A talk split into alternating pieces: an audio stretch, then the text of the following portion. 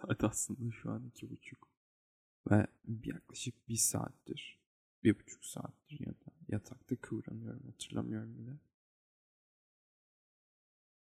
Bir süredir uyuyamıyorum.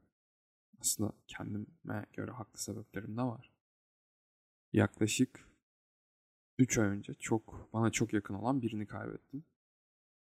Ve ben bu kişiyi gözlerimin önünde kaybettim. Ne onun ne de benim yapabileceğim hiçbir şey yoktu. Ve bu aslında benim son iki senedeki yaşadığım ikinci olay böyle. Diğerinde de bana bu kadar yakın olmayan ama yine yakın olan birini kaybetmiştim. Aslında işin ilginç yanı kendimi tanıdığımdan beri her zaman bir şeyleri konuşmaya çekiniyorum. Bir şeyleri konuşmak istemiyorum. Her zaman daha da fazla dinleyen bir insan oluyorum ama sanırım olaylar benim için bu şekilde gelişmiyor. Yani artık dinleyen bir insan olmam sanırım benim çok fazla işime gelmiyor. Çünkü ben de kendi içimi boşaltmak istiyorum. Sanırım bunun en doğru yolu şu an bu. Çünkü ben yaklaşık 4-5 saat önce yine çok yakın bir dostumun, bir süredir görüşemedim çok yakın bir dostumun yine bir yine yakınlarını kaybettiğini öğrendim. Ve yani böyle zorlu bir süreçte yaklaşık 17 bin vefat var son 7-8-9 ayda. Aslında çok normal hepimizin böyle sevdiklerini kaybetmesi. Bu konudan bağımsız ya da bağımlı bir şekilde.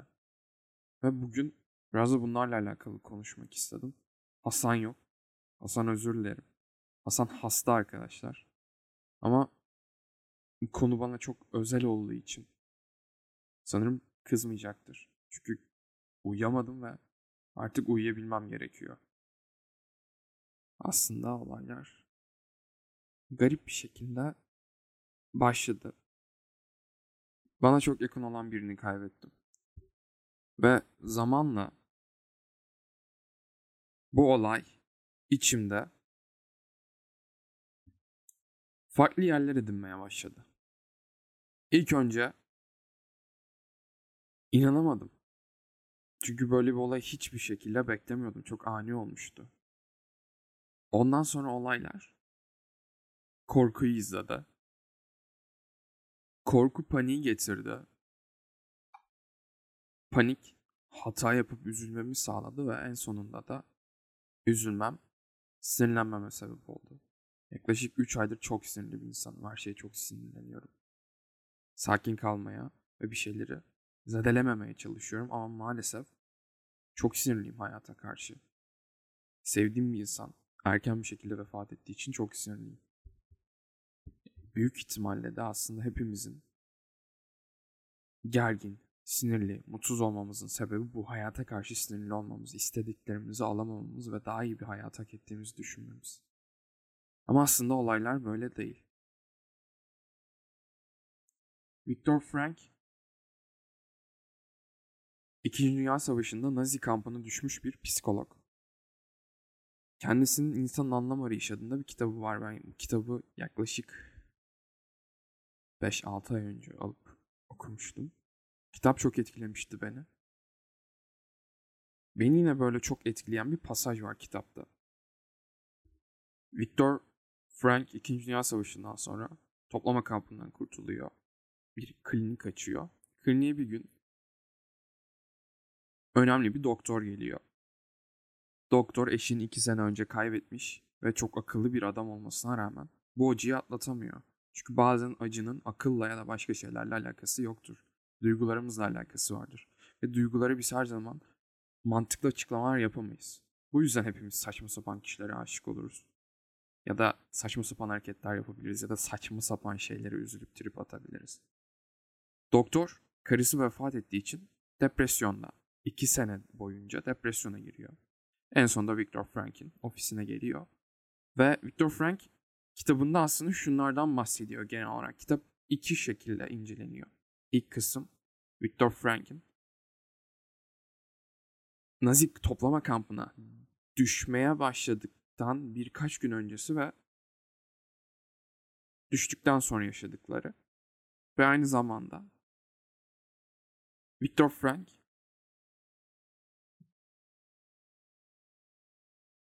Nazi toplama kampından çıktıktan sonra bildiği, gördüğü, gözlemlediği her şeyi bu kitaba yazıyor.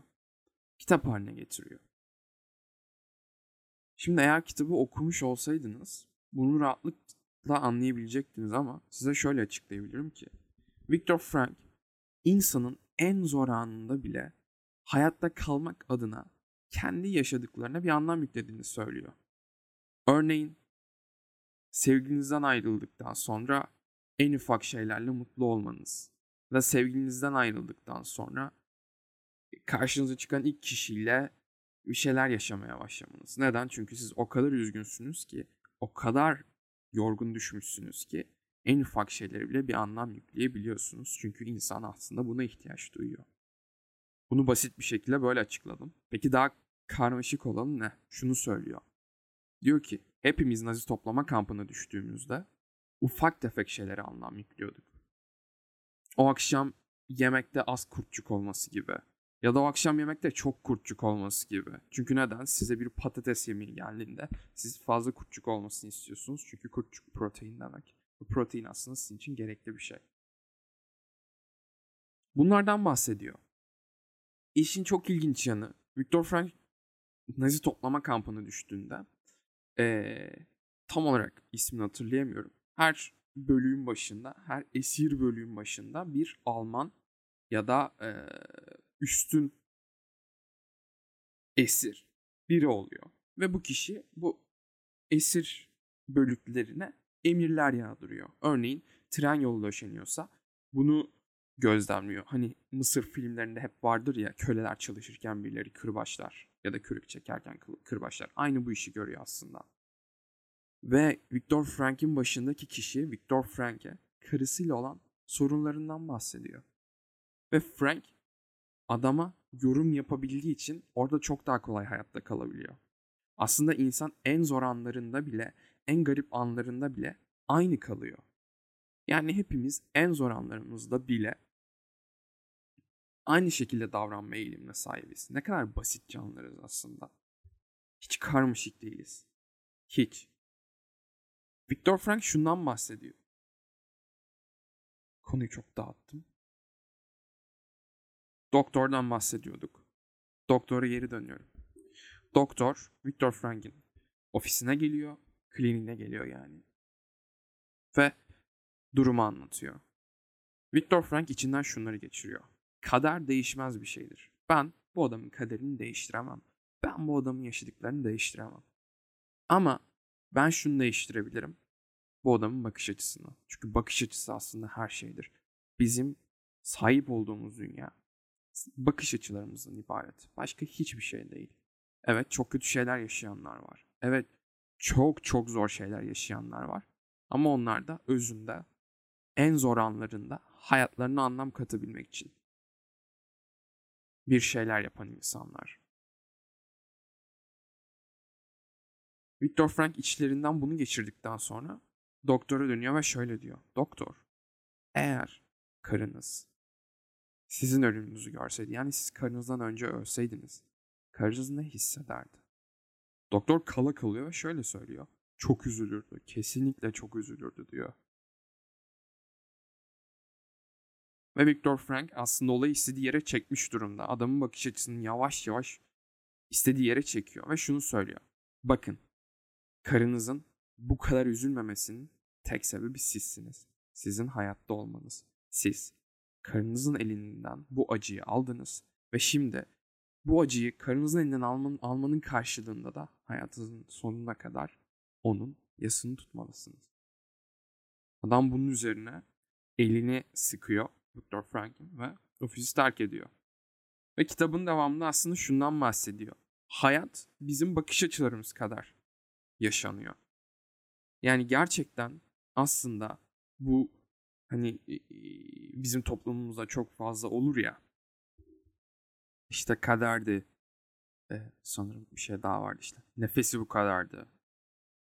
Yapacak bir şey yoktu. Allah böyle yazmış. Aslında doğru şeyler. Çok doğru şeyler. Gerçekten böyle yaşandı, böyle oldu. Hiçbir şekilde değiştirilemez. Ama siz bakış açınızı değiştirebilirsiniz ve ben de aslında zor zamanlarda bu şekilde ayakta kalmaya çalıştım. Bu şekilde dayanmaya çalıştım. Bu şekilde hayatımı devam ettirmeye çalıştım ve bu şekilde yaşadıklarımı anlamlandırabiliyorum. Bu podcast'i yapmamın asıl amacı, en başta amacı vefat eden kişinin bana anlattıklarını, bana yaşattıklarını sizinle paylaşabilmemdi. Çünkü ben bu olay yaşandıktan sonra inanılmaz bir depresyona girdim. Çok kısa bir süreliğine ve kimseye belli etmedim bunu. Ama benim her zaman en büyük korkum vefat eden kişinin unutulmasıydı. Ben vefat eden kişinin unutulmasından çok korktum. Bu yakınımın unutulmasından çok fazla korktum. Ve belki bunlara anlam yükledim. Ve sonra da podcastler yapmaya başladım. Yani aslında ölüm kaçınılmaz bir şey. Ve biz hiçbir şekilde bunun önüne geçemiyoruz. Hiçbir şekilde bir şeyleri değiştiremiyoruz. Biz de insanız. Bunu hepimiz biliyoruz. Hepimiz üzülüyoruz. Sevgilimizden ayrılıyoruz. Yakınımızı kaybediyoruz. Ama her zaman bakış açısı belki çok olgunca ya da çok optimist bir düşünce. Bakış açısı her zaman bizi kurtaran şey. Çünkü hepimiz hayatta kalmaya meyilliyiz. Hepimiz aslında doğduğumuz andan itibaren hayatımıza anlam yüklemeye çalışıyoruz. Her zaman kendimizle mücadele halindeyiz. Hayatla mücadele halindeyiz. Ve hayata karşı sinirli olabiliyoruz. O yüzden Hasan çok uzatmak istemiyorum. Çünkü bu işe Hasan'la birlikte girmiştik. Hasan tekrardan kusura bakma abi. Ama gerçekten uyuyamadım. Yani hepimiz kötü şeyler yaşıyoruz aslında özünde. Benim yaşadıklarımdan çok daha kötü belki de. Ama şöyle bir durum var. Biz yaşadığımız şeyler kadar hayatımızı devam ettirebiliyoruz. Biz yaşadığımız kadar biziz. Bunun da aslında en büyük sebebi anın geçici olması. Hepimiz belki anın geçici olmasından, ana odaklanamamaktan şikayet ediyoruz. Ama eğer yaşadıklarımız olmasaydı, eğer yaşadıklarımızı biriktiremiyor olsaydık, anın bir değeri kalmazdı. Bunu da şuradan örnek vereceğim.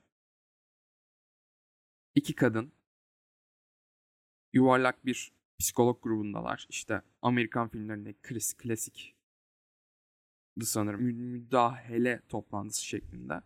Ee, yuvarlak bir şey oluşturuluyor. Herkes sorunlarını anlatıyor. 80 yaşındaki bir kadın hayatı bir Kazanova gibi yaşamasından şikayet ediyor.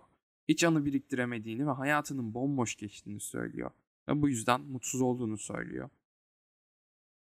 Kadın hayatı boyunca sadece gezmiş, sadece tozmuş ve sürekli elindeki şeyleri kaybetmiş. Biriktirdiği hiçbir şey olmamış. Bir yere ait olmamış, birine ait olmamış, bir ailesi olmamış. Sürekli gezmiş. Belki anılar biriktirmiş, belki gördüğü yerleri biriktirmiş ama bunları yaptığında da genellikle sarhoşmuş ve anı kaçırmış. Her zaman bir gamsızlıkla sürdürmüş hayatını ve hiçbir dengede dengeye sahip olamamış. Ve kadın 80 yaşına geldiğinde bunun ona yaşattığı depresyondan bahsediyor. İşin komik yanı şu.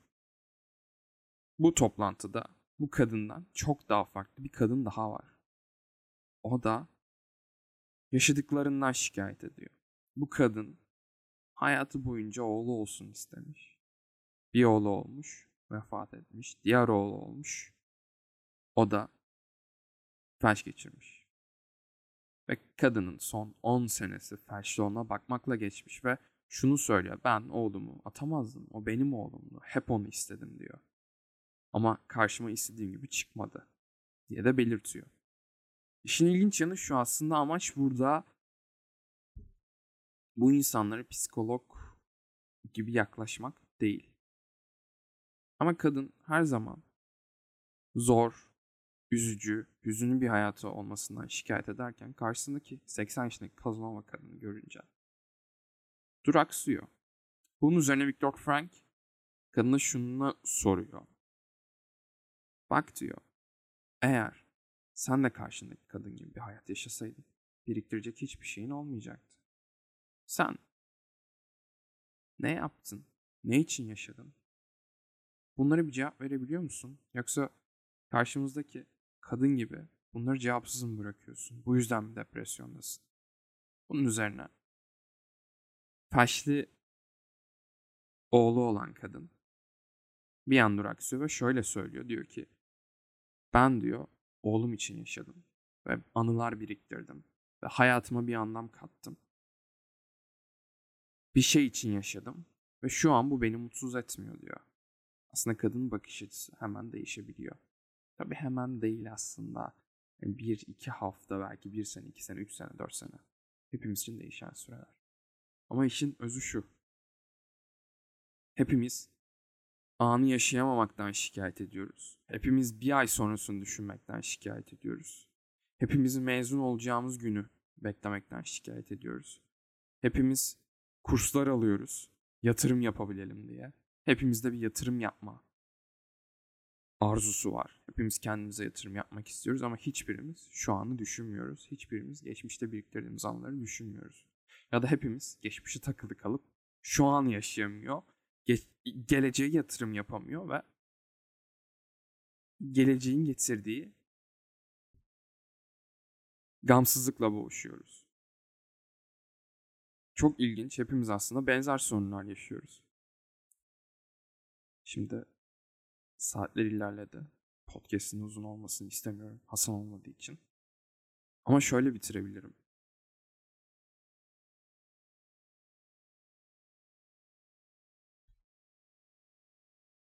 Bir insan son anlarında sadece sevdikli, sevdiği insanları düşünür. Asla nefret ettiği, kin duyduğu insanları düşünmez.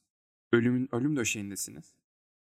Biri kafanıza bir silah doğrultmuş. Öleceksiniz. Yani ölmenize ramak kalmış. Hepiniz. O an sevdiğiniz insanları düşünürsünüz. Kimse kavga ettiği birini düşünmez. Kimse kavga ettiği bir insan için yaşamak istemez. Hepimiz sevdiğimiz insanlar için yaşamak isteriz. İşte sevginin anlamı budur. Acının anlamı da bizim yaşadıklarımıza anlam katmasıdır. Bence hani bir şeyler anlam katabilmemiz için acıya bir ihtiyacımız yok.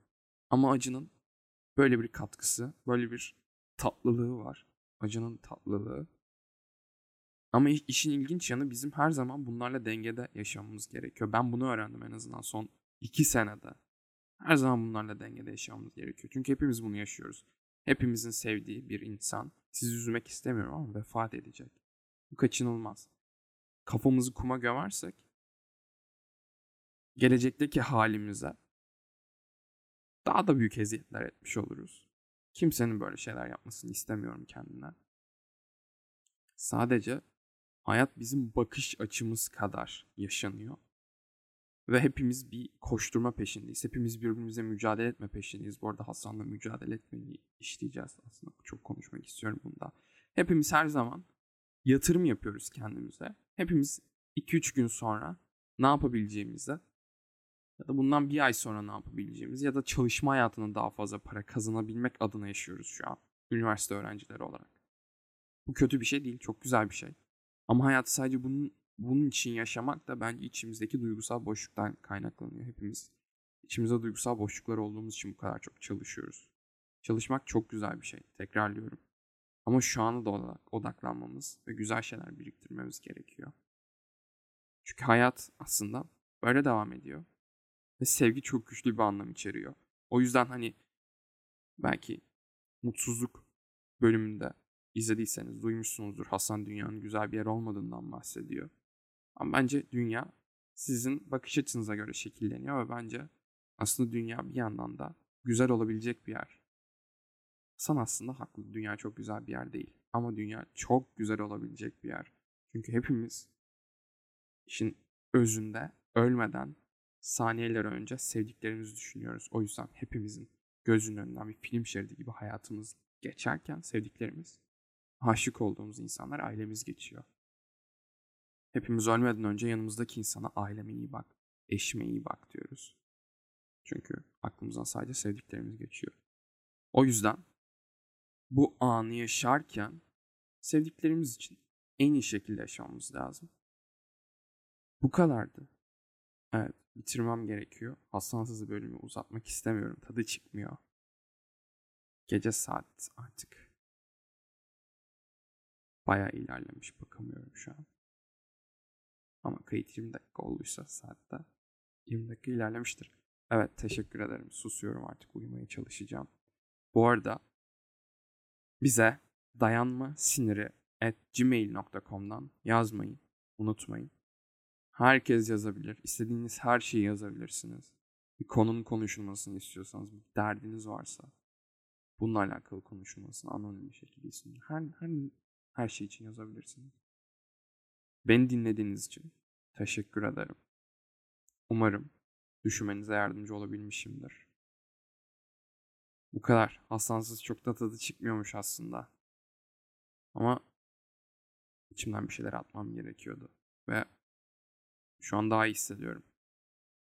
Kendinize çok iyi bakın. Görüşmek üzere.